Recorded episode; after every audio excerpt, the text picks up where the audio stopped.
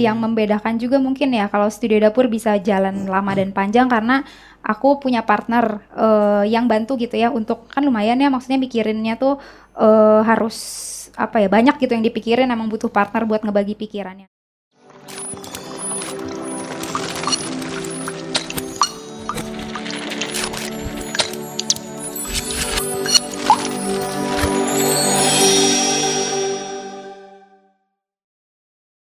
Investor balik lagi sama gue, Ingga Putra. Senang banget gue bisa nemenin kalian lagi di Pikes. Tapi Pikes kita ada segmen baru namanya Ngopi Manis. Ngopi Manis itu adalah singkatan dari ngobrol pintar masalah bisnis. Keren ya? Ke depannya gue gua tidak akan ngobrol sendirian, gue akan melakukan kolaborasi bersama Mas dosen yakni Sony Agustiawan yang pernah kita undang di Pikes kita sebelumnya. Halo Mas Sony. Halo Mas Ingga, apa kabar? Alhamdulillahirobbilalamin. Mas Sony. Yes. Lo uh, gimana kabarnya Mas? Alhamdulillah baik Mas Ingga. Alhamdulillah baik. Masih ngajar ya? Yes, masih ngajar. Mas dosen luar biasa. Mas Sony, ini di ngopi manis ya. tuh kita mau ngomongin apa sih sebetulnya? Oke, okay. thank you jadi sebenarnya ngopi mm -hmm. manis ini kita berawal dari diskusi kita terakhir gitu ya yang kita recording di Pinfest juga Betul. bahwa ternyata UMKM di Indonesia itu banyak yang butuh pembelajaran gitu ya. Mereka butuh informasi mereka butuh dapat insight. Oleh karena itu kita mencoba membuat suatu segmen bagaimana kita ngobrol. Konsepnya santai gitu ya ngobrol gitu. Kita ngobrol dengan para teman-teman UMKM khususnya UMKM di Indonesia, kita ingin mendengar bagaimana cerita mereka, bagaimana mereka membangun bisnis, bagaimana mereka melahirkan ide bisnis, dan yang paling penting yang jarang dibahas adalah kita ingin cerita, kita ingin mendengar cerita bagaimana cara mereka survive, bagaimana cara mereka bangkit dari kegagalan-kegagalan atau Keren. dari keterpurukan. Jadi intinya adalah kita di sini sharing, ngobrol-ngobrol santai. Betul kayak Katy Perry bilang ya, what doesn't kill you makes you stronger. Iya, benar banget. Tapi by the way, gue pengen cerita sedikit nih Mas Sony. Gue punya teman. Boleh kan nih gue cerita hmm. nih? Iya, iya, iya. Ya. Oke, gue punya teman. Uh, dia itu adalah social entrepreneur. Woi, keren ya?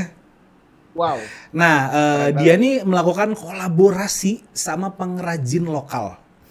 Jadi kebayang gak lo, uh, kerajinannya itu uh, mereka mengerjakan bambu. Jadi semakin banyak lu beli barang di doi berarti doi itu akan semakin banyak menyerap tenaga kerja dari lokal. Keren ya?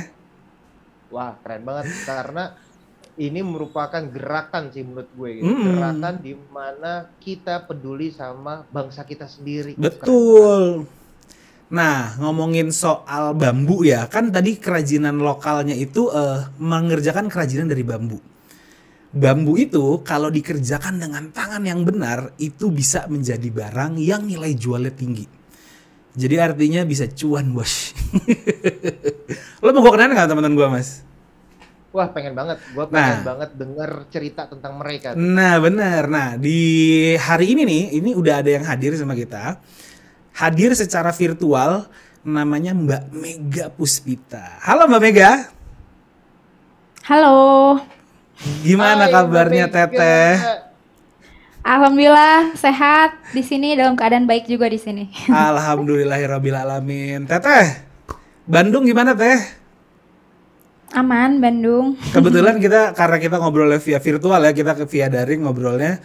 Uh, teteh ini lokasi ada di Bandung, jadi kita ini ngobrol sama teman kita dari studio dapur Mas Sony. Oh, gue sering banget denger namanya tuh. Mm -mm. Kayaknya lo kenal ya, Pak? Udah kenal ya nih? Kalian iya. udah kenal ya kayaknya ya? Uh, pernah beberapa kali kita diskusi ngobrol bareng dan memang uh, Studio Dapur merupakan brand yang cukup fenomenal lah Mantap. di UMKM Indonesia ini. Tapi daripada kita ngobrol Mas Doni ya, mendingan kita suruh Mbak Mega sendiri kali ya kenalan sama Pinvestor. Silakan Mbak Mega.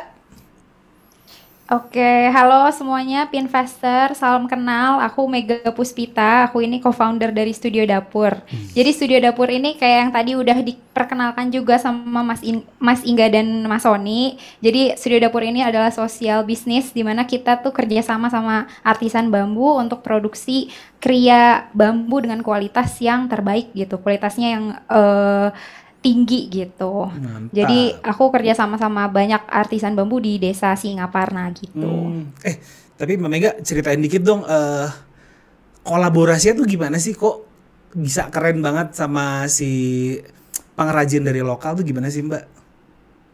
Oke, jadi awalnya tuh sebenarnya ini project kuliah gitu sih. Jadi dulu hmm. awalnya banget tuh aku internship gitu di di Temanggung di salah satu desa desa pengrajin bambu gitu. Terus di situ aku ngeliat dan jadi tiap hari ketemu sama mereka terus udah gitu aku ngeliat di sana banyak juga kan permasalahannya gitu di industri kerajinan bambu hmm. tapi di luar permasalahannya ya sebenarnya secara material sendiri si bambu ini aku ngeliat dia material yang bagus banget gitu loh secara estetika dan juga secara nilai lingkungannya. Terus yeah. udah gitu juga ternyata di nilai sosialnya juga di lingkungan itu bagus banget kayak uh, di Temanggung itu mm -mm. apa namanya kegiatannya bisa terus terjadi karena ada ada nilai ekonomi yang terjadi di situ. Makanya kayak mm. aku mikir gimana caranya supaya kegiatan artisan bambu dalam aktivitas kerajinan bambu ini tetap terus lestari gitu lewat bisnis makanya waktu itu kayak aku develop uh, waktu itu lebih ke project design ya karena waktu itu aku tuh aku kan uh, apa namanya belajarnya dulu product design hmm. jadi lebih ke keluarannya tuh lebih ke produk gitu belum bisnis waktu itu okay. jadi uh, solusinya lebih ke lebih ke dari solusi desainnya jadi dari situ akhirnya aku muter tuh muter ke beberapa tempat beberapa desa sampai akhirnya ketemu si desa uh, yang sekarang ini desa pada kembang. Di sini aku kerja sama sama mereka untuk ya uh, ningkatin kualitas kerajinan bambunya supaya bisa terus relevan gitu sama masyarakat sekarang hmm. gitu kebutuhannya gitu. Keren. Oke okay, berarti kalau dari desainnya sendiri gitu ya desain desain bentukannya itu dari siapa tuh mbak yang ngedesainnya di mm -hmm. studio dapur. Mm -hmm. Jadi yang ngedesain salah satunya aku juga. Jadi mm. kita bertiga tuh jadi foundernya studio dapur tuh bertiga kebetulan emang tiga-tiganya desain produk gitu. Oh. Jadi um, gantian sih sebenarnya prosesnya kolaboratif kadang mm -hmm. uh, siapa gitu. Cuman kalau secara tanggung jawab secara uh, hierarki di perusahaannya ada Alan yang yang lebih uh, controlling tentang produk dan desain. Kalau okay. aku di di studio dapur sekarang lebih ke marketingnya gitu. Oh gitu. Jadi ada tiga nih ya yang berawal dari tugas akhir kuliah sampai berlanjut sampai sekarang nih ya. Betul. Keren banget. Mas Sony, lu mahasiswa lu ada yang di lu gituin juga gak mas? Atau ada kisah yang sama juga gak mas? Wah banyak dong, karena kan memang hari gini pebisnis-pebisnis masa depan itu justru lahirnya dari teman-teman mahasiswa. Karena kan mereka hmm. punya ide yang luar biasa gitu ya. Hmm. Mereka punya kapabilitas, punya kemampuan, plus mereka dapat ilmu. Jadi iya. memang harus lahir di kampus. Tapi keren tuh ya Mas ya eh, kalau ngomongin soal kan tadi ada si Mbak Mega sempat mention soal estetika gitu ya. Kalau gue perhatiin memang desain-desain si bambu atau kayu-kayu itu memang lagi cocok banget ya sama desain Skandinavian. Asik kan coffee shop coffee shop rata-rata sekarang kan desainnya gitu kan putih terus aksen kayu terus apabila kalau ada rotan-rotannya atau ada bambu-bambunya itu kan jadi cantik ya Iya gak sih? Iya betul. Kok pada betul betul. Sih? betul betul. Tapi emang trennya kan macam-macam juga ya setiap tahunnya atau setiap masanya. Sekarang hmm. ini emang kayak tren tentang material yang lokal, material bukan material lokal sih, material yang natural itu hmm. emang lagi cukup diminati apalagi yang tentang ramah lingkungan kayak gitu-gitu oh, emang iya. awarenessnya orang-orang udah mulai ke situ gitu.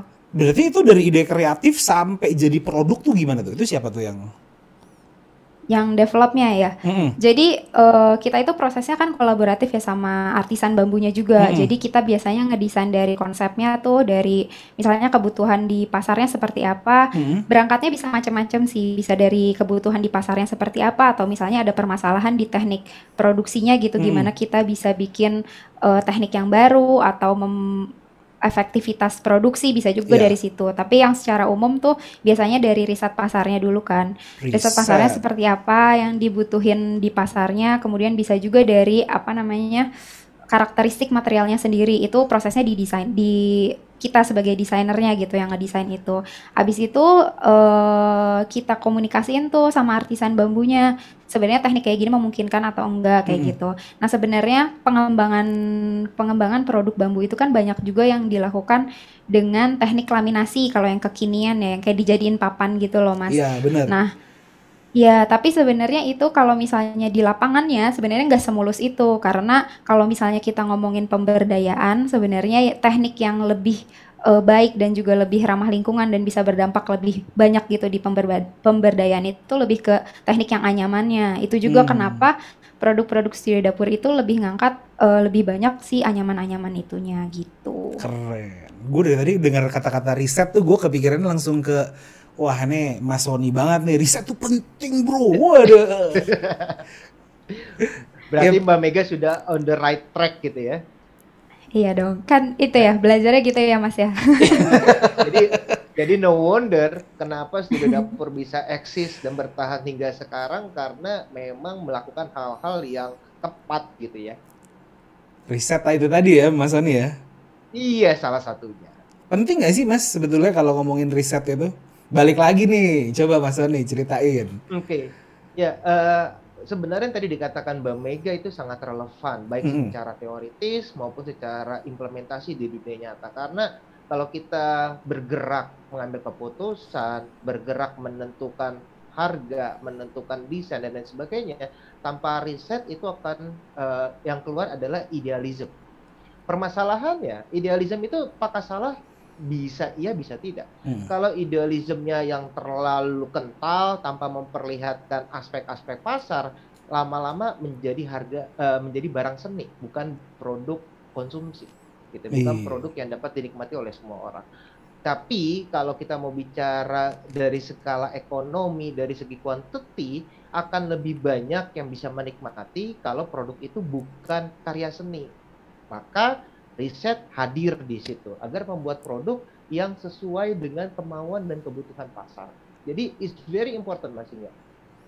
Setuju gue kalau soal itu. Karena gue kemarin sempat ngobrol sama Afida juga, memang yang paling penting adalah riset. Jadi ada Mbak Mega Afida itu adalah salah satu murid dari, bukan murid ya, maksudnya pernah berguru juga. Pernah berguru gak sih Mas Soni sama lo Mas?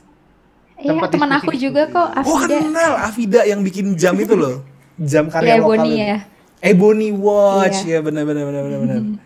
Iya eh, Afida bilang katanya, oh, itu riset penting banget tuh gue bilang aja, oh iya gue tahu gue di, di, dikuliahin gue juga sama Mas Sony kemarin. Tapi anyway overall penjualan gimana tuh eh, Mbak Mega? Aman sih penjualan. Sebenarnya kalau studio dapur itu eh, sangat eh, terpengaruh sama kayak seasonal Imlek, Natal atau Mm-mm. Lebaran kayak gitu-gitu. Peak-peak season gitu kita harus apa ya? Harus optimalin banget gitu di musim-musim itu. Jadi emang strateginya ngarahin setiap di momen-momen itu kita harus eh, apa ya? Pikirin strateginya supaya bisa optimal di bulan-bulan itu, bulan-bulan penting buat kita gitu. Iya karena kan orang-orang banyak juga kan yang pengen pesen hampers, pengen pesen, iya gak sih? Betul, betul, iya. Apalagi kalau pakai Selain hampers juga yang retailnya juga ramenya pas di momen-momen itu. Mm-mm, kan ada juga kan orang yang ngirim hampers pakai besek gitu ya nggak sih mbak? Iya, betul. Jadi kan kayak elegan gitu loh kayak, uh lu dikirimin, wih apa nih besek begitu dibuka isinya lupis kayak gitu itu kan seru ya. Iya, itu sih yang kita lakuin juga kan supaya bisa apa ya? Eh, orang-orang tuh bisa pakai lagi gitu kerajinan bambu. Bukan bukan hanya untuk ini ya, bukan hanya untuk nostalgia gitu, tapi Mm-mm. soalnya di balik si kerajinan bambu ini sebenarnya banyak hal gitu yang terjadi. Misalnya eh, kalau yang dilakuin sama studio dapur ini kan sebenarnya kenapa kenapa kenapa misalnya orang-orang harus beli produk eh, bambu karena di baliknya eh, kita memberdayakan masyarakatnya. Kenapa juga memberdayakan masyarakatnya? Karena si aktivitas bambu ini dia kan membutuhkan banyak kebun bambu. Nah, kebun bambunya ini ketika dia di di apa ya dipakai sama masyarakat eh, ini masyarakat desa eh, kebun bambunya itu jadi tetap terjaga gitu. Kalau misalnya nggak digunakan kayak waktu pas pertama kali aku datang kan itu mulai ter mulai mulai langka kan pengrajin bambunya. Waktu aku mulai itu kan tahun 2014-an gitu, Mas. Jadi pengrajin bambunya tuh mulai langka. Jadi cuman kayak uh, yang usianya udah sepuh lah gitu. Jadi yang ngerjain kerajinan bambunya sedikit.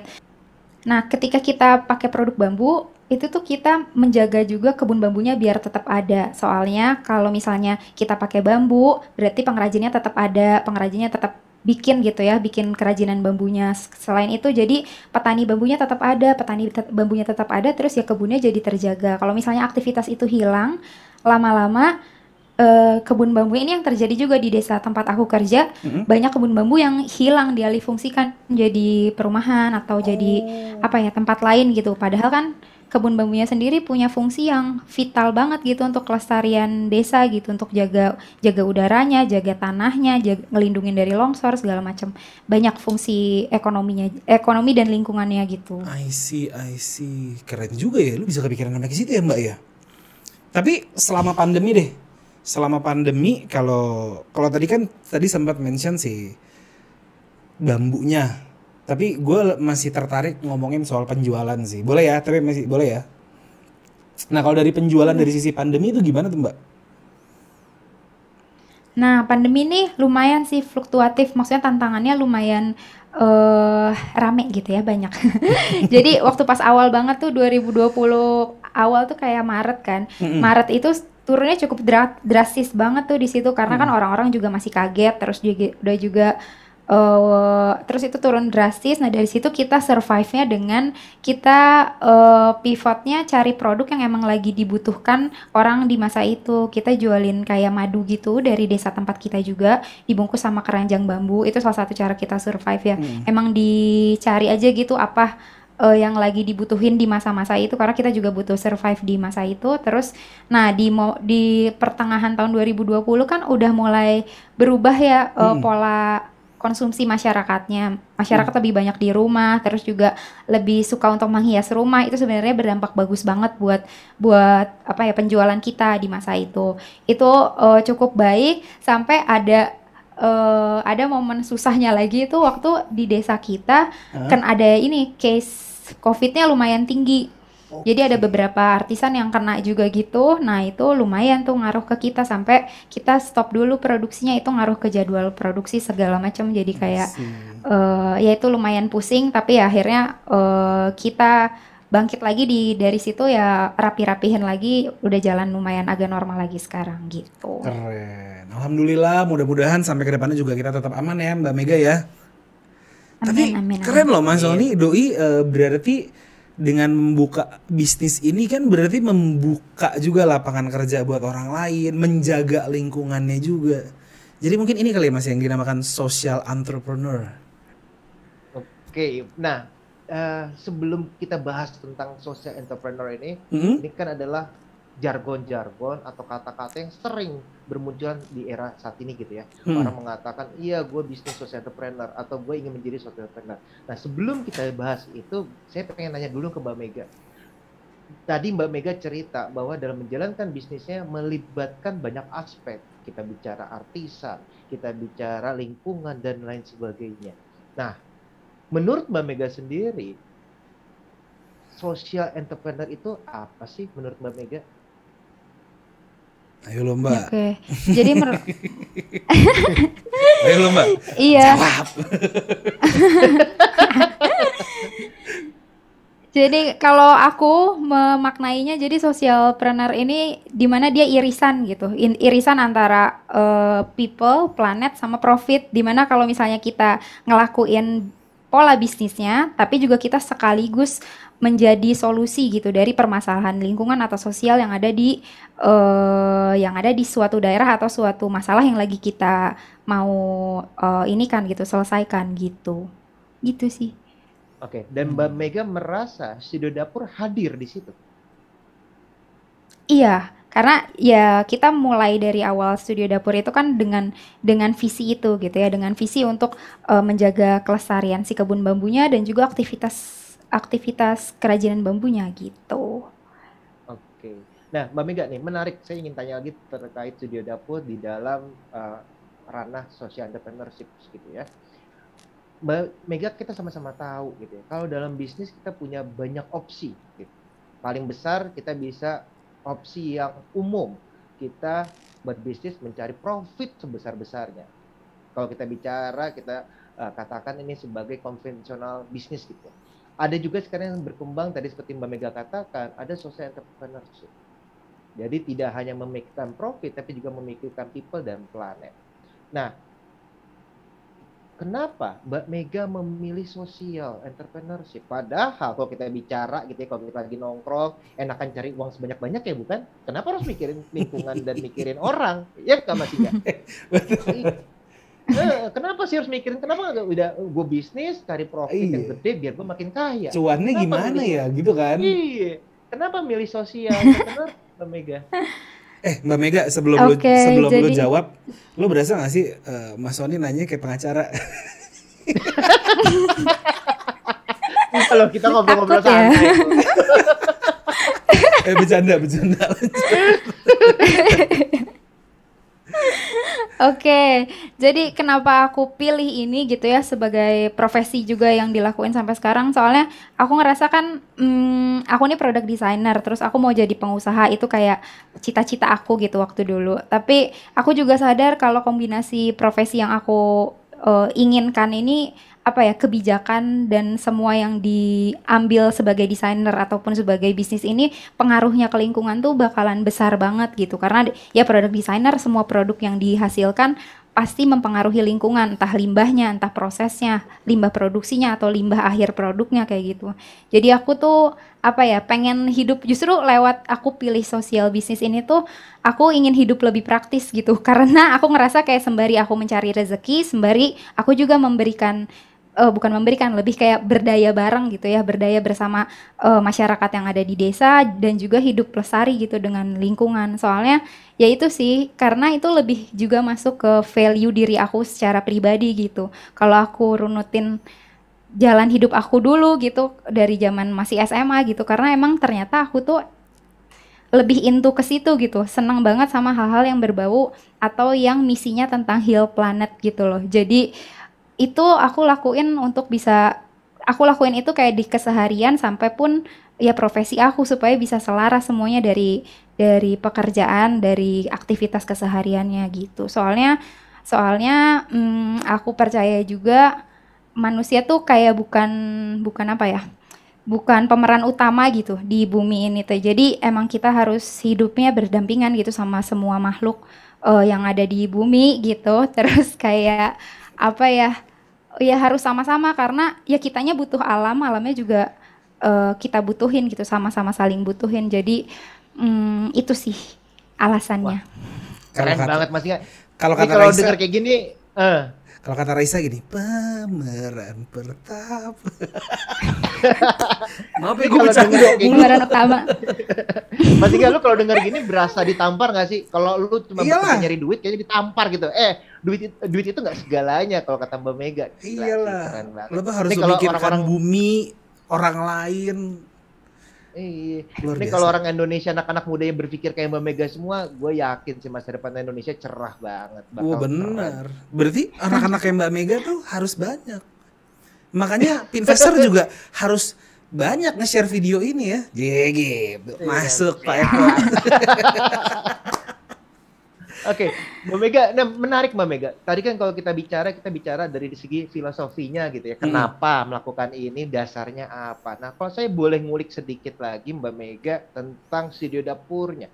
Apakah jika kita memilih bisnis yang arahnya social entrepreneurship, hmm. ini bisa menghidupi tidak? Menghidupi karyawan, menghidupi kita gitu ya. Karena kan kita tidak bisa dipungkiri manusia butuh uang gitu ya untuk hmm. makan kehidupan sehari-hari. Apakah dengan memilih jalan ini sebagai pebisnis cukup menguntungkan atau tidak sebenarnya Mbak Mega? Bisa sih, bisa banget kita hidup dari sini. Maksudnya bahkan berdasarkan datanya juga ya ada risetnya juga yang bilangin kalau misalnya justru sekarang perilaku konsumen itu justru lebih aware atau lebih apa ya lebih market growth-nya itu lebih besar ke uh, uh, apa namanya bisnis yang lebih ramah lingkungan atau yang punya dampak baik gitu buat masyarakat. Jadi harapannya sih dan banyak juga banyak banyak orang juga yang uh, bahas tentang ini ya harapannya semua bisnis itu bisa jadi sosial bisnis gitu. Semua bisnis tuh udah nggak ada gitu membedakan konvensional sama sosial bisnis. Semuanya emang memikirkan apa dampak terhadap bisnisnya gitu. Kayak gitu sih. Oke, berarti uh, kalau tadi dikatakan konsumen sekarang sudah mulai melirik bisnis yang sosial gitu ya, berbasis sosial.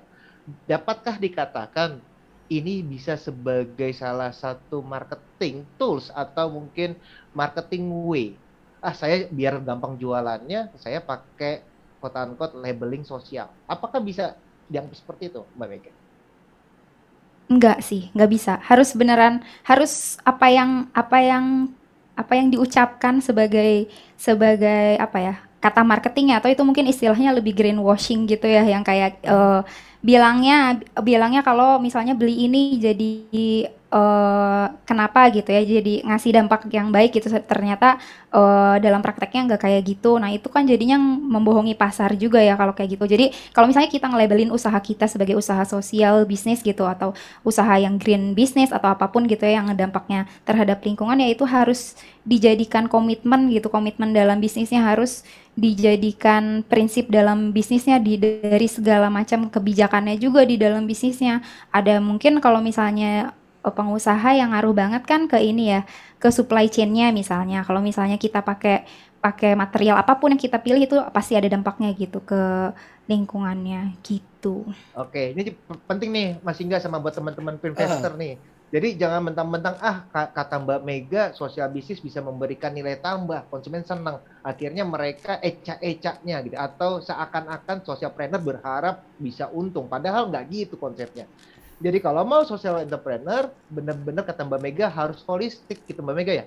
Sehingga konsumen Betul, bisa ya. melihat, merasakan dan terjadi trust di situ maka baru deh bisa mempengaruhi ke performance bisnis. Kurang lebih gitu kali Mbak Mega ya.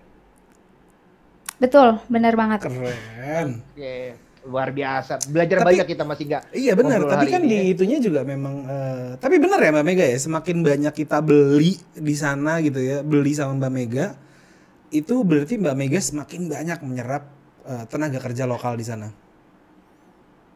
Iya betul ya pasti ya pastinya ya semuanya semakin banyak produk yang di diserap gitu sama pasar pasti semakin banyak artisan juga yang jadi uh, bekerja bareng sama kita soalnya kan hmm. kayak yang dari awal tadi udah dijelasin juga kayak pas pertama kita datang itu artisannya yang kerja tuh cuma satu kan, cuma dua sih, hmm. Pak Toto sama istrinya itu, yang mana dia udah sepuh banget gitu. Hmm. Ketika kita udah bertumbuh sekarang banyak juga sekarang lebih inklusif gitu pengrajin bambunya. Ada yang hmm. usianya memang sudah uh, apa ya, udah senior gitu, ada juga yang masih 20-an tuh sekarang jadi banyak. Artinya kan kayak uh, aktivitas ini terregenerasi dan skill hmm. bambu yang tadinya Pak Toto punya hanya seorang gitu, Pak Toto doang yang bisa kualitas sebaik itu, akhirnya terregenerasi ke yang muda-mudanya itu salah satu kebanggaan aku juga sih bisa meregenerasi itu. Gue sempat ngeliat tuh di home-nya itu ada storytellingnya dikit tentang studio dapur. Dan Doi sempat ngasih tahu tentang Pak Toto. Nah, tapi gue ngeliat Pak Toto tuh kayak nggak tua-tua banget ya. Umurnya berapa sih beliau? Pak Toto tuh kayaknya sekarang 58 gitu deh. Oh, Kalau nggak salah ya. Iya, iya, iya, iya, iya. Dia mengerajin dari dia akhirnya uh, gitu. mengedukasi anak-anak mudanya juga untuk menjadi pengrajin bambu gitu ya. Iya, jadi Pak Toto nih kayak master artisan kita yang kayak hmm. pertama kali kita kerjasama sama Pak Toto ini. Jadi dulu pas masih aku kuliah kan aku nggak langsung ketemu sama Pak Toto. Aku nyari-nyari dulu tuh di banyak desa gitu. Ada di tadinya nyari di Bandung, ternyata di perkotaan udah sulit banget uh, kelompok artisan bambu gitu. Akhirnya emang harus cari-cari di desa. Aku bolak-balik tuh ke Bandung, Tasik, uh, nyariin di mana gitu. Terus sampai akhirnya ketemu nih sama Pak Toto. Jadi Pak Toto ini usianya kayak uh, apa namanya? Pengalaman bekerjanya sebagai artisan kayak udah 30 tahun lebih gitu. Uh. Jadi dia itu awalnya dia kerja sama sama uh, ini dulunya waktu zaman mudanya dia tuh kerja sama sama Ibu Rini sama Pak Ahadiat dia salah satu dosen senior dosen seni rupa di ITB. Hmm. Uh, tapi Ibu Rini ini usianya udah nggak produktif itu. Jadi akhirnya Pak Toto balik lagi ke desa. Nah setelah Pak Toto pulang akhirnya aku ketemu deh sama Pak Toto. Terus ya aku kagum banget dengan skill kerajinan bambunya dia tuh emang di atas rata-rata banget. Yang biasanya kita ngelihat kerajinan bambu itu kasar gitu ya. Yang dilakukan Pak Toto itu dia halus. Terus dari situ kita kolaborasi deh gimana caranya kita bisa regenerasi itu dan juga bikin sistem produksinya yang uh, bisa lebih simpel juga tentunya. Terus ya itu tadi sih akhirnya bisa regenerasi ke yang lebih muda gitu. Keren. Mantap ya Mas Ani ya. Luar biasa. Ini kayaknya masih enggak kalau lagi ngobrol-ngobrol gini biar kita mencernanya dan nyerapnya enak sambil ngopi kali ya. Boleh. Sesuai, sesuai dengan segmen kita kan ngopi manis. Iya benar, ngopi manis. Ngopi manis. Ngopi manis, mantap, mantap. Buat tutupin begini soalnya ada ada ada brandingnya. Oke. jadi batuk. Oke Mas Sony, lanjut Mas Sony, sikat lagi Mas Sony. Oke, nah eh, Mbak Mega, tadi kan sudah sangat insightful. Saya Hmm. yakin teman-teman Pinvest sekarang yang tadinya nggak ngerti tentang konsep social entrepreneurship, paling nggak ada gambaran gitu ya saat ini Oh, setelah jelas. ngobrol-ngobrol sama Mbak Mega. Nah, saya punya pertanyaan berikutnya yang, mena- yang menarik, Mbak. Ya saya penasaran gitu.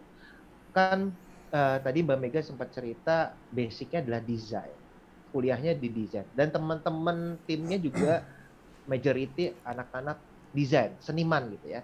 Nah, ketika Mbak Mega dulu memulai bisnis studio dapur pertama kali bersama teman-teman yang notabene memiliki latar belakang seniman, kesulitannya di mana sih Mbak Mega? Karena kan kalau di desain nggak diajarin tuh cara marketing gitu ya, secara eh, eh, keuangan.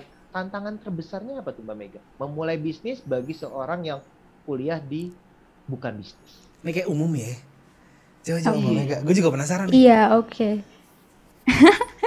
Jadi sebenarnya oh ya, sebelumnya mungkin antara desainer sama seniman itu juga agak beda ya konteksnya. Hmm. Kalau desainer kan karyanya lebih tangible, sedangkan seniman lebih perasaan gitu, lebih isu sesuatu yang intangible gitu. Secara keseluruhan sih sebenarnya desainer itu pola pikirnya terbiasa berpikir secara holistik atau multidimensi. Kalau misalnya kita di project-project desain itu biasanya kita ya harus tahu semuanya gitu ya dari apa namanya ergonomi, market research, terus social researchnya gimana, pricing, material, teknik produksi itu kan hal-hal yang desainer harus tahu. Jadi emang itu jadi bekal sedikit bekal ya, sedikit bekal mentalnya gitu secara eh, dari pandangan aku sebagai desainer yang jadi bisnis gitu. Tapi tantangannya ya benar banget dari sisi keuangan terus strategi bisnisnya ngelola orang kayak gitu kan nggak tahu gitu gimana caranya. Ya ini mau nggak mau harus harus jadi skill yang kita tambahin gitu nggak nggak bisa kita mau jadi mau jadi pengusaha tapi ilmu bisnisnya nggak ada jadi mau nggak mau ya kita harus belajar lagi nambah-nambahin skill yang sebelumnya kita nggak punya. Waktu itu aku sebenarnya kebantu banyak banget karena aku ikutan banyak program eh, incubator dari sisi bisnisnya ataupun sisi sosial eh, impactnya gitu. Di situ jadi aku belajar belajar lagi tuh. Jadi sambil aku apa namanya punya usaha sambil ya harus belajar banyak lagi tentang hal-hal yang nggak dipelajarin waktu aku kuliah gitu. Hmm. Berarti pembelajaran bisnis itu segitu pentingnya ternyata ya. Nggak bisa cuman, ah udah deh nggak usah belajar asal-asalan aja. Nggak bisa kayak gitu Mbak Mega. Atau justru Mbak Mega melihat harus banget belajar bisnis. Walaupun nggak formal misalnya. Iyalah harus harus banget apalagi kalau misalnya kita basicnya bukan bukan apa ya eh, belajar bisnis gitu. Karena emang sebuta itu sih kita nggak tahu gimana caranya misalnya ngomongin keuangan atau finance gimana caranya pembukuannya aja kita nggak tahu nggak diajarin gitu. Adapun pengen- pengenalan singkatnya juga gimana nggak ngerti gitu. Pola prinsipnya juga kan pasti beda. Apalagi eh, strategi marketing kita tahu sedikit tapi kan tapi kan secara konsepnya itu luas banget yang emang marketing aja banyak banget ada branding ada copywriting aja itu skillnya beda lagi kayak gitu gitu jadi emang emang harus belajar lagi sih harus belajar lagi Oke, menarik tuh Mas Keren, dan teman-teman investor. Harus belajar, jadi nggak bisa kita congkak atau ah saya nggak mau belajar karena kunci sukses adalah belajar dari Mbak Mega. Keren banget. Oke, Mbak Mega. Nah, tadi kalau cerita bisnis eh, studio dapur kita semua sudah tahu dan bahkan bisa dilihat juga di Instagram gitu ya, mau stalking studio dapur. Apa nama Instagramnya Mbak Mega? Sorry. Studio dot at dapur. studio.dapur ya studio.dapur gitu ya. Kemudian juga ada website dan lain sebagainya. Nah, sebelum memulai bisnis studio dapur, apakah Mbak Mega pernah memiliki atau membuat bisnis lain sebelum? Ada, iya. Zaman dulu masih kuliah tuh aku punya bisnis hijab gitu, jualan hijab. Wah, itu beda banget ya. Sekarang bambu kerajinan. Beda. Dulunya hijab ya. Wih, luar biasa. Terus gimana ceritanya Mbak Mega? Apa sekarang masih yang hijabnya? Enggak. Yang hijabnya udah enggak, udah udah udah lama banget cuman bertahan sebentar banget karena um, apa ya? Karena waktu itu nggak ada partnernya gitu. Jadi hmm. yang membedakan juga mungkin ya kalau studio dapur bisa jalan lama dan panjang karena aku punya partner uh, yang bantu gitu ya untuk kan lumayan ya maksudnya mikirinnya tuh Iya, jadi um, aku yang nggak punya partner gitu waktu dulu pas jualan hijabnya. Nah, ketika aku di studio dapur, aku punya partner, jadi uh, pikirannya juga terbagi gitu. Kita bagi-bagi fokusnya masing-masing gitu. Jadi yang membedakannya itu visinya dari usahanya itu. Jadi waktu Visi di studio ya? dapur, ya? ya aku udah tahu visinya ini ke mana. Iya, jadi udah tahu mau ke mana gitu tujuannya itu juga yang ngebikin kita jadi uh, apa ya apa pun yang terjadi tantangannya apa pun uh, ya kita bakalan terus adaptif dan terus apa ya terus re, apa coba cari cara gitu gimana bisa tetap relevan dengan tetap menjaga prinsip-prinsip kita gitu. Oke, keren. Gue pengen tanya boleh gak sih? Gue tadi sempat pengen motong cuman Mbak Mega lagi suruh cerita nih gitu kan. Kebiasaan ntar gue diomelin suka motong. Oke, Mbak Mega, ini menarik ya Mas Sony ya. Uh, justru malah Mbak Mega ini karena ada temennya jadi malah bisnisnya bisa jalan tapi giran sendirian malah nggak jalan yang ada udah-udahan ya teman gue tuh kalau partneran kadang-kadang suka selek loh mas Sony mm -mm. Mm -mm. itu gimana kalau menurut lo deh mas Sony oke okay. Nah, ini menarik juga Mas Inga ya. Tadi Mas Inga katakan kalau banyak UMKM ketika mereka bikin bareng-bareng partner, hmm. banyak yang bubar justru karena partner. Tapi Mbak Mega ini memberikan fenomena yang berbeda. Iya. Justru gara-gara ada partner jadi makin kuat dan makin bertumbuh. Nah, iya. Nah, sebenarnya poinnya masih Inga Mbak Mega kalau menurut kacamata uh, secara teoritis ketika kita memilih partner hmm. itu adalah proses yang paling penting. Gitu jadi kita nggak bisa memilih partner hanya berdasarkan oh saya butuh uang saya cari partner yang kaya. Hmm. Oh saya butuh uh, ilmu marketing saya cari partner yang jago marketing. Itu salah gitu. Apakah itu totally wrong? Enggak juga. Tapi sebelum kita beranjak ke kebutuhan, kita harus pastikan partner yang kita mau uh, ajak kerjasama, partner yang punya value yang sama, punya visi misi yang sama, punya mimpi yang sama, dan punya nilai-nilai bekerja yang sama. Karena tanpa adanya persamaan itu komitmen tidak akan muncul. Tanpa ada komitmen, apa pun yang terjadi tidak akan pernah sustain.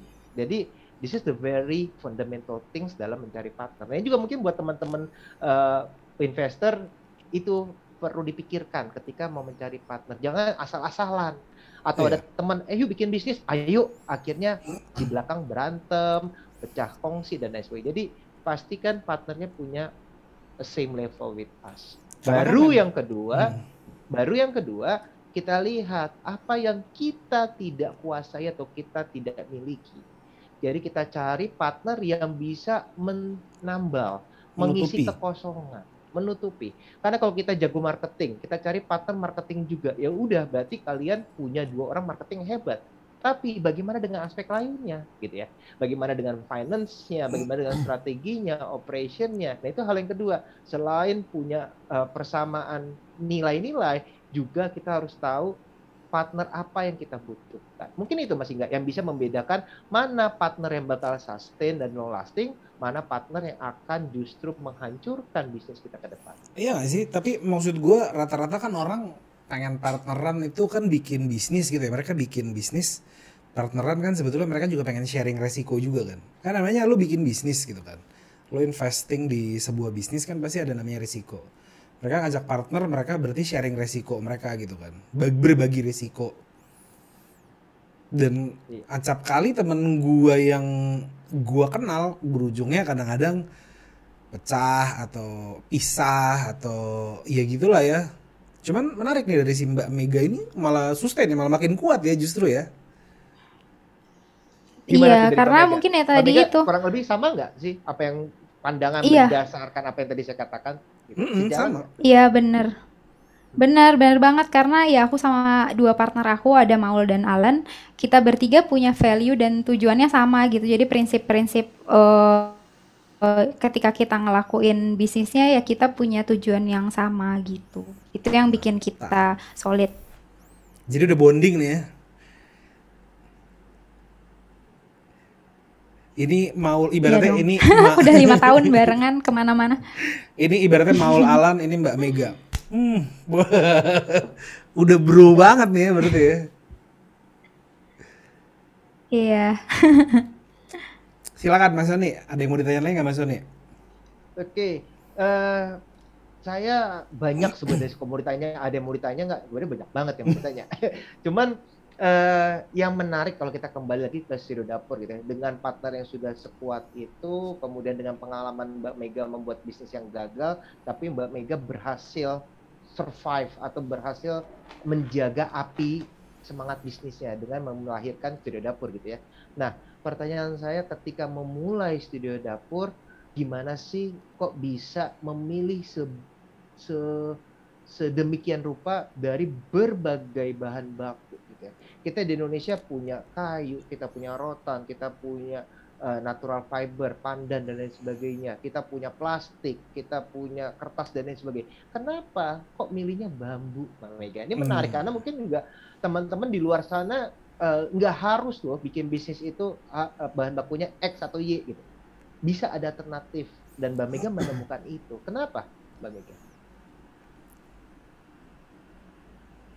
Kenapa pilih bambu? Jadi pertamanya itu karena aku ngelihat secara visual sih sebenarnya pertamanya banget karena visualnya. Jadi eh, secara material si bambu ini menurut aku menarik banget karena dia kayak eh, apa ya fleksibel gitu. Dia bisa dianyam terus juga di- dia bisa jadiin papan. Ketika dijadiin papan juga yang potongannya melintang atau kayak gimana dia kuat banget ternyata. Terus ada ada sisi fleksibilitasnya itu secara fisik kayak gitu. Tapi pas aku ngegali lagi lebih dalam tentang si bambu ini ada ada nilai-nilai lingkungan itu yang tadi sebelumnya juga udah aku ceritain yang ternyata relate banget ke apa namanya aktivitas sosialnya. Jadi aku ngelihat material ini tuh apa ya kayak kompleks banget gitu menurut aku itu jadinya menarik karena eh dari satu material impactnya terhadap lingkungan dan sosialnya tuh bisa panjang gitu. Jadi itu sih yang bikin aku pilih material bambu gitu. Menarik banget. Dan satu lagi Mbak Mega, kalau kita bicara sebenarnya berdasarkan data dan informasi gitu ya, negara yang paling kuat dalam hal produksi, riset, pengolahan bambu itu kan di Cina gitu ya. Iya tuh. bukan di Indonesia. Sedangkan berdasarkan bisik-bisik tetangga, berdasarkan kita stalking, Mbak Mega juga berhasil ekspor ke luar negeri. Marketnya nggak hanya Indonesia. Berarti kan Mbak Mega akan menghadapi Cina sebagai kompetitor. negara Iya, Cina kompetitornya sebagai- terbesar di situ berat ya kayaknya ya. Iya berat. Iya. Market risetnya di sana, material dari mereka di sana fokus dan lain sebagainya. Ini gimana nih tips and trick? Ini mungkin Kalau teman-teman kata- juga mau belajar Kalau- gitu ya. Iya, kalau kata yang eh, apa dari produsen yang dari China-nya dia ngomong, "Gile, nggak ada takut-takutnya lu sama gua." Iya. Emang kurang galak apa gue gitu kan? Bahan, baku, bahan bakunya di Cina banyak. Risetnya, pengolahannya mereka nomor satu bambu di Iya. dunia. Kenapa Mbak Mega bahkan bisa jebol dan menang di persaingan internasional? Tips Mm-mm. and trick apa Mbak Mega? Oke, jadi yang ngadepin Cina ya emang itu salah satu kompetitor yang emang global kompetitor terbesarnya si Cina. Tapi aku nggak nempatin itu sebagai kompetitor langsung banget gitu karena kita bisa bisa apa ya pendekatan strateginya juga kan bisa beda gitu. Tapi sebelum itu aku mau jawab dulu kenapa kenapa kenapa penting ada ini juga tetap ada di Indonesia karena ya itu tadi apa namanya eh kalau misalnya kalau misalnya ngomongin produk-produk bambunya diimpor semuanya dari Cina gitu misalnya per- kebutuhan produk bambu yang ada di Indonesia semuanya imporan dari Cina itu juga kan secara secara keramah lingkungan keramah lingkunganan aduh itu gimana ya? Itu kan nggak ini nggak nggak nggak benar gitu ya karena karena tentang carbon footprint dan segala macam gitu. Jadi sebaiknya kan ya masyarakat lokalnya juga bisa memproduksi dan bisa pakai juga produk produk eh, kerajinan bambunya gitu. Itu pertamanya. Nah, nah untuk menghadapi mereka itu emang eh, apa ya? Ini ya persoalannya lumayan besar dan susah juga gitu. Tapi yang kita lakukan adalah ya kita uh, kuatin di story di story tentang pemberdayaan masyarakatnya ini yang bukan cuma story ya ini emang sesuatu yang emang beneran kita lakukan gitu. Itu sama juga desainnya desain-desain yang kita kita bikin kan pasti uh, apa namanya beda gitu. Uh, secara secara visualnya atau secara uh, trennya dan secara bentukannya itu beda gitu uh, targetan pasarnya juga beda. Mungkin kalau di Cina lebih banyak produk-produk yang pengolahannya ke papan yang lebih uh, mesin ya, le lebih mesin. Kalau misalnya di kita yang di yang dikuatin adalah tentang pemberdayaan uh, orang-orangnya dan di dan di Eropa uh, itu ya, yang jadi jadi apa ya? Jadi uh, satu isu yang uh, menarik gitu buat mereka ketika produk-produk ini dibuat secara handmade, dibuat dengan dengan uh, menjaga juga kelestarian lingkungan di sekitar wilayahnya gitu. Jadi menjadi keunggulan daya saing tersendiri gitu ya. Yeah. Dibandingkan produk-produk yang ada di dunia, Mega Puspita menawarkan keunggulan produk yang tidak didapatkan oleh kompetitor yang ada di China. Luar biasa. Keren ya di satu Keren sisi juga gue rasa anyaman tuh juga kayak budaya deh mas. Budaya Indonesia iya. deh. Agree agree. Salah satu budaya kita yang cukup fenomenal dan bisa menjadi fondasi ekonomi ke depan. Fondasi. Keren. Indonesia banget ya jadinya ya. Dan kebetulan memang tapi oh ya aku aku mau sambil nanya juga sih mungkin ke Mas Sony. Tapi kan emang kayak apa ya? Kalau ngomongin tentang Cina gitu bukan cuman bukan cuman material bambu aja gitu yang saingan atau kompetitornya di Cina kan ada banyak banyak banyak lah banyak industri lainnya juga ya uh, saingannya ke situ. Jadi mungkin pola pikirnya juga eh, orang-orang uh, di Indonesia ya jangan jangan takut duluan gitu sama sama apa yang udah dibuat sama orang luar ya sama apa yang udah dibuat di, di uh, orang luar gitu ya kita juga di Indonesia bisa bisa uh, bikin gitu bisa bikin dengan itu dengan dengan cara kita sendiri juga Kira dia kalau ngomong keren banget ya Mas Sony ya. iya, kayak motiv kayak memotivasi gitu ya Indonesia bisa yeah. gitu ya. Keren. Aduh aduh aduh aduh. Gue dengerin tuh sampai, wih kok keren juga nih. Kita juga bisa loh guys gitu. iya, ini nih apa positive thinking itu keren, mindset juga hebat. Jadi no wonder lah. Jadi kalau ditanya kenapa uh, studio dapur bisa sukses, kenapa Mega bisa sukses? Karena banyak hal.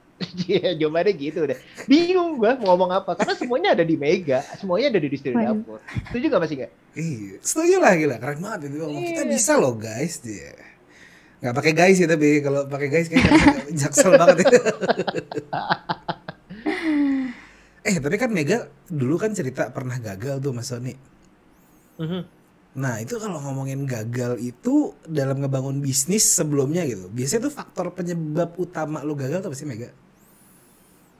Hmm, waktu sebelumnya itu itu sih. Yang pertama aku uh, sendirian karena sendirian. Hmm. Yang kedua aku nggak tahu gitu uh, usaha atau apa ya uh, karena mungkin masih mencari juga waktu itu masih muda juga jadi nggak terlalu tahu gitu si bisnisnya ini tuh tujuannya ke mana gitu selain hmm. selain cari itu ya cari cari uang gitu cari rezeki nggak tahu jadi ketika ketika aku dapat sulit kesulitan waktu menjalankan bisnisnya jadi kayak aduh udah nggak tahu gimana lagi gitu karena ya uh, tujuannya nggak tahu ke mana gitu hmm. tiba-tiba ah ya udah bodo amat lah ya udah deh biarin deh gitu-gitu ya Ya mungkin kayak gitu waktu dulu ya.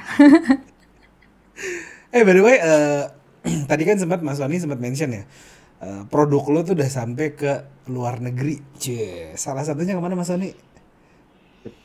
Ke mana? Banyak negara Mbak, Mbak Mega ya? Salah iya, satunya ada itu beberapa. ada di Korea. Ini ceritanya gimana sih tuh?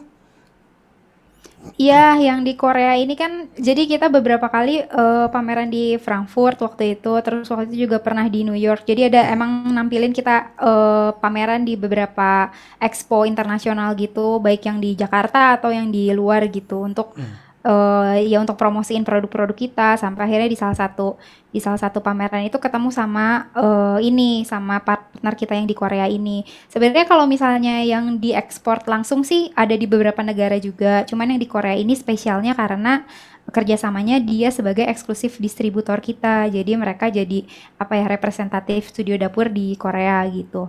Nah itu ketemunya yaitu sih kita ketemu di satu pameran. Habis itu kayak uh, kita juga saling mempertimbangkan gitu ya kerjasamanya apa yang paling enak di antara kita. Terus sampai akhirnya karena dia juga uh, berpengalaman dalam e, ekspor impor produk kria dari Indonesia ke Korea, jadinya juga kita apa ya memper, mempercayakan ini ke mereka terus uh, ya udah deh jadi uh, jalan kerja sama-sama mereka gitu.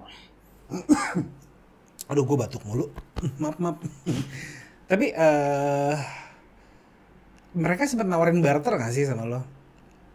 Barter kayak gimana tuh? Kayak barter. misalkan oke okay, produk lo kita coba jual di sana lo coba jualin produk kita ya di Indonesia gitu. Ada nggak oh, sih enggak sih enggak. Enggak. Jadi memang sistem kerjasamanya itu aja gitu opsinya. Karena mereka tertarik gitu. sama produk lu terus, eh kayaknya karena nih kalau kita jual di sana ya.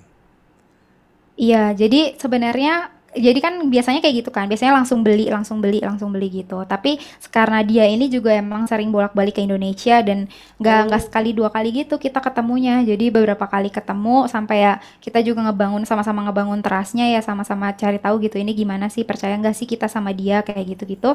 Sampai akhirnya ya udah kita uh, kita percayain uh, mereka juga percaya kita tawarin nih mau nggak kalau misalnya opsi kerjasamanya seperti ini. Jadi mereka tetap jadi apa ya bayar kita mereka beli putus sistemnya ke kita hmm. beli putus juga iya. tapi yeah. tapi uh, apa namanya marketing kitnya gitu atau apa segala macam brandingnya kita kasih ke mereka gitu okay. jadi mereka bisa punya itu gitu bisa mengelola, mengelola itunya juga gitu hmm. oke okay juga tuh ya tapi ini sebelum gue tutup nih gue mungkin ada satu pertanyaan nih karena hmm, lo kan bisnisnya bertiga gitu ya lo pernah nemuin masalah apa aja ketika lo jalan sama partner lo dalam bisnis? Uh, lumayan sih beberapa ada pasti uh, permasalahannya tapi yang pal yang mungkin um, kan yang paling penting tuh di bertiga tuh komunikasinya nah hmm. ada masanya di mana uh, waktu lima tahun kita jalan tuh ada masanya di mana mungkin salah satu ada yang lagi uh, kayak kemarin aja ya yang terjadi misalnya aku kemarin sempat sebenarnya sempat ada masalah pribadi karena uh, ibuku baru meninggal gitu waktu itu jadi ya uh, itu ngaruh juga gitu ya ke optimal bekerjanya gitu. Nah, hmm. Nah, di situ juga jadi saling backup di situ karena karena pasti Perhatian. permasalahan pribadi, ya permasalahan per, pribadi dan pas masuk ke apa ya pekerjaan itu pasti ada bentrok-bentrokannya dan di situ kita belajar buat uh, bisa saling apa ya bisa saling ngertiin satu sama lain hmm. kondisinya seperti apa kayak gitu. Hmm. Nggak ada masalah yang serius gitu atau masalah kayak apa ya yang gede gitu? Nggak ada ya? Gede banget gitu enggak sih kita nggak nggak nggak ada sih kalau permasalahan apa berantem berantem iya, gitu. apa gue nyari nyari masalah aja kali ya Gak ada sih, kita nggak pernah berantem yang besar banget gitu. Cuman kayak misalnya ada miskom apa, miskom apa kayak nah, gitu, gitu yang emang harus. Oh ya, miskom miskom itu ya dikomunikasiin sih. Misalnya apa ya?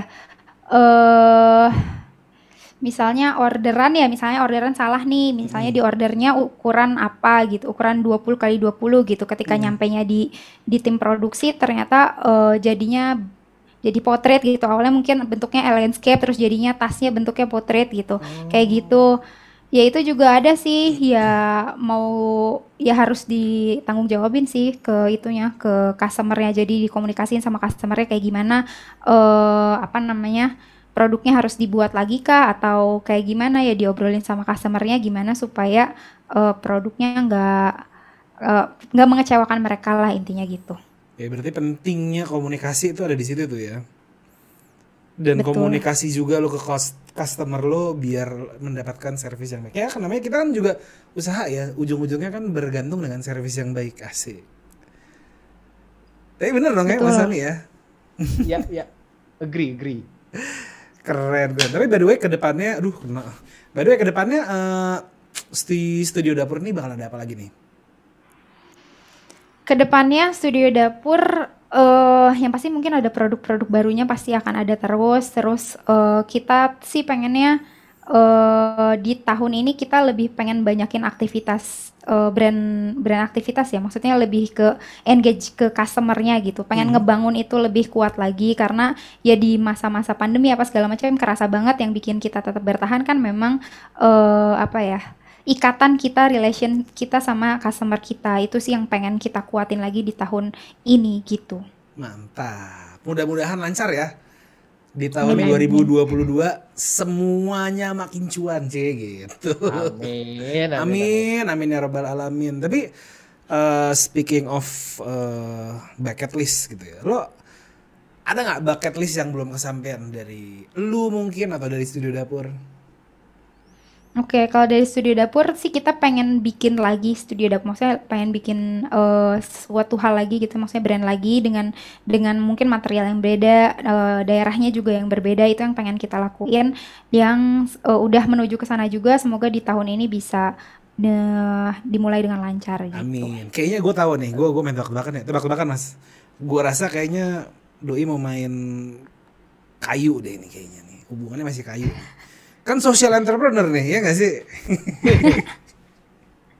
Kayaknya lebih ke rumput, rumput jenis-jenis rumput. Wah, dapat bocoran. Gua tahu nih Kalau Mas kalau Mas Inga kan ngeliatnya masih yang umum ya, kayu. Kalau Mbak Mega ngeliatnya tuh hal yang gak kita pikirin. Gue bingung ya, itu rumput mau dibikin apa emang ya rumput ya? Coba nanti nanti kita taruh uh, apa namanya Instagramnya Studio Dapur ada di deskripsi. Jangan lupa dimampirin ya kalau pengen lihat-lihat produk-produk dari siapa? Uh, studio dapur dan website juga nanti kita taruh di deskripsi buat investor. Keren. Kalau gitu kita tutup aja kali ya guys. Thank you loh Mbak Mega udah meluangkan waktunya buat ngobrol-ngobrol santai sama kita di ngopi manis. Yeah. Iya, sama-sama. Makasih banyak juga udah ngajakin ngobrol-ngobrol sore ini. Mas Sony, thank you juga loh Mas Sony uh, udah mau kolaborasi sama Pinvest ya ke depannya kita enak ya kita ngobrol-ngobrol bertiga begini tuh enak ya ternyata ya. Yes, makin kaya kita ya dapat informasi segala macam. Yang pastinya memberikan inspirasi dan menambah wawasan buat investor. Jadi jangan lupa di subscribe, di likes dan di share ke teman-teman kalian karena ini infonya sangat-sangat berguna. Kalau gitu, gua Ingga Putra. Saya Sonia Gustiawan. Saya Mega Puspita. Sampai jumpa di PK selanjutnya. Bye-bye. Bye-bye. Bye. -bye. Bye.